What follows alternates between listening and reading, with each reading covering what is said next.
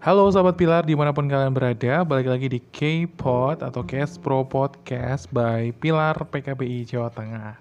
Hari ini kita mau membahas mengenai persoalan apa sih Pilar sebenarnya? Bakalan seru banget hari ini bersama aku Dede Alvaro, salah satu relawan Pilar PKB Jawa Tengah. Dan pastinya aku nggak sendiri nih teman-teman karena aku ditemani salah satu orang yang udah lama jadi relawan di Pilar. Ada Kak Alan. Halo Kak Alan. Iya, halo teman-teman. Oke, kenalin namaku Alan. Aku uh, relawan juga di Pilar PKBI Jawa Tengah. Di sini aku uh, mau jelasin sedikit nih tentang Pilar yang sudah disampaikan Kak Didi tadi ya. Pilar itu pusat informasi dan layanan remaja.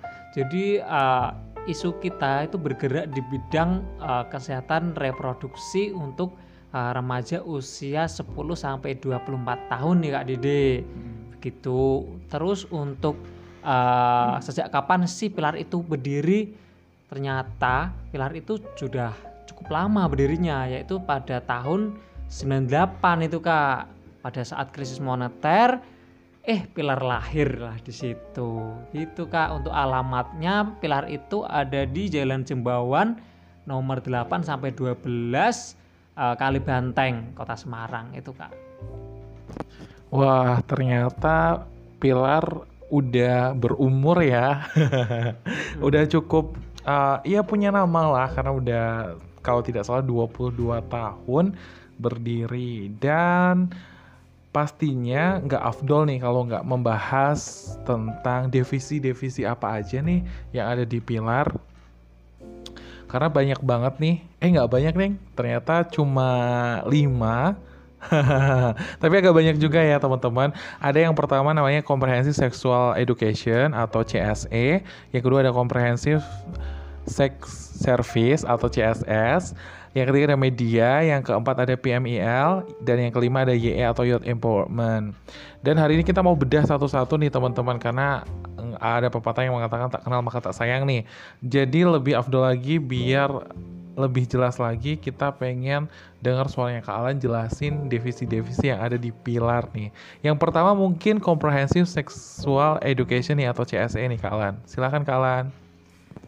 Baik, uh, untuk divisiku sendiri aku berada di divisi CSE jadi aku ya cukup paham lah dengan divisiku ini sendiri. CSE itu bisa dikenal uh, dengan divisi edukasi. Jadi kita uh, mengedukasi dan melakukan penyuluhan ke tempat-tempat atau ke lembaga-lembaga yang menjadi mitra kita ataupun non mitra seperti itu Kak Didi. Jadi di uh, CSE itu sendiri ada beberapa program uh, seperti ada setara semangat dunia remaja itu uh, apa namanya informasi atau pemberian informasi atau pendidikan uh, eh, HKSR kepada teman-teman remaja SMP sederajat gitu Kak Didi.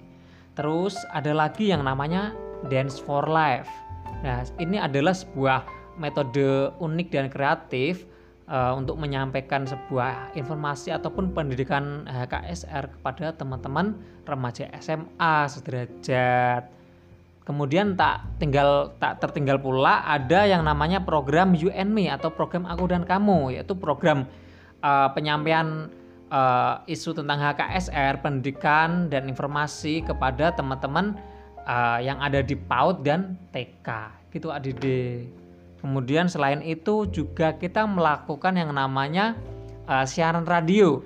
Kita ada uh, mitra atau partner untuk siaran radio ada Pro 2 RRI Semarang, ada Track FM, kemudian uh, ada Imelda.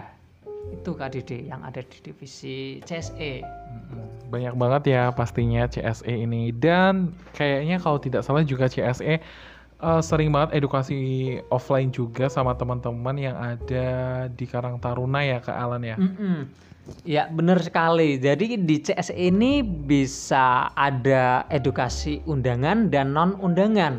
Kalau non undangan biasanya ya kita ke sekolah mitra kita, ke komunitas mitra kita, dampingan kita seperti itu. Kalau undangan biasanya kita diundang oleh lembaga atau institusi yang berkaitan uh, dengan isu-isu kesehatan reproduksi. Kadang ada dari BKKBN, ada DP3A, kadang juga kita diundang oleh uh, BNN, oleh BNN gitu juga. Itu sih Kak Didi. Banyak ya, wah aku jadi makin tertarik nih. Dan mungkin teman-teman juga tertarik nih tentang CSE atau Comprehensive Sexual Education yang ada di Pilar. Dan selanjutnya kita ada divisi CSS nih atau Comprehensive Sex Service. Jadi secara garis besar ini tentang layanan dari Pilar. Karena kan Pilar itu kan pusat informasi dan layanan remaja ya automatically adalah pastinya layanan yang diberikan oleh Pilar. Lalu seperti apa nih kealan layanan yang diberikan oleh Pilar pada ataupun untuk sahabat Pilar yang ada di Semarang dan sekitarnya? Baik, untuk Pilar sendiri, Pilar itu membuka sebuah layanan konseling, Kak, untuk teman-teman remaja yang mungkin uh, sedang ada problem, sedang galau, sedang uh, tak menentulah uh, untuk uh, kehidupan teman-teman. Bukan berarti kita memberi solusi, tapi di sini kita uh, mencari jalan keluar bareng gitu, Kak. Biar teman-teman itu bisa menghadapi uh, masalahnya juga, mengambil keputusan seperti itu, Kak Dede. Wah, banyak banget. Tapi kalau nggak salah juga waktu misalnya nih ada namanya posyandu remaja atau posrem ya, oh, iya. yang biasa di uh, teman-teman remaja atau dari Karang Taruna laksanakan nih di wilayahnya, itu juga kita juga open untuk booth untuk teman-teman yang mau konseling secara offline atau bahkan offline mau pengen datang ke kantor kita juga bisa ya kalian. Gimana tuh Kak tentang konseling itu?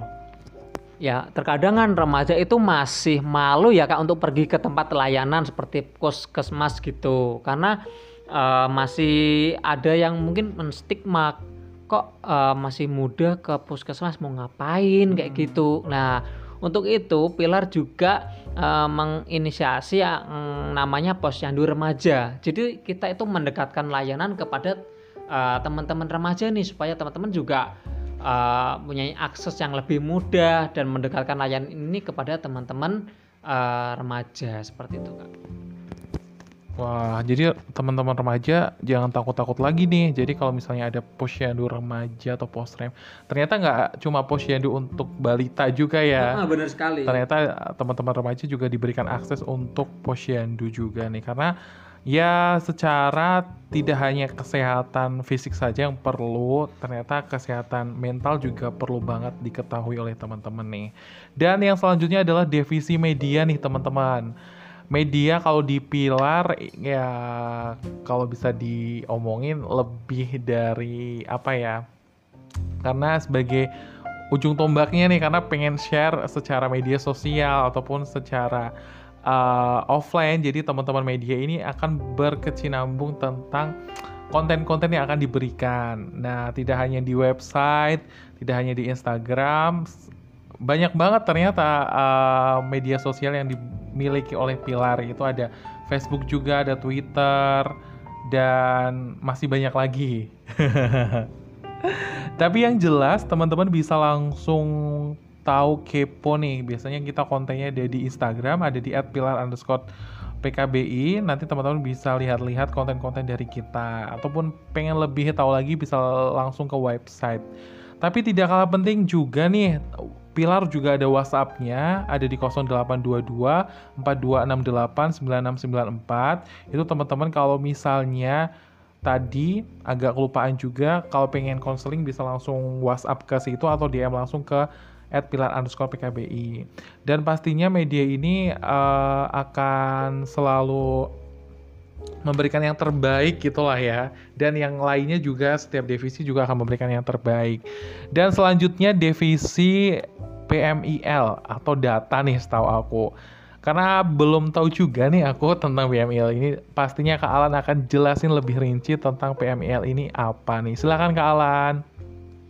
Ya mungkin nggak rinci-rinci banget ya karena uh, ya ini uh, bersebelahan dengan uh, divisiku. Kalau setahuku sih ya PMIL itu atau Program Monitoring Evaluation and Learning. Wow. Jadi uh, bisa disebut tim data lah divisi data. Jadi uh, yang mengumpulkan data-data uh, seperti kasus ataupun uh, graf info yang menyampaikan infografik yang ada di media itu kan uh, ada di tim data yang ambilnya ya. Misalkan ada kasus KTD nah itu terkadang uh, tim data itu uh, membuat sebuah uh, penelitian mini survei yang ada di kota Semarang seperti itu. Jadi menurutku sih orang-orang uh, yang ada di PMIL ini orangnya teliti-teliti ya.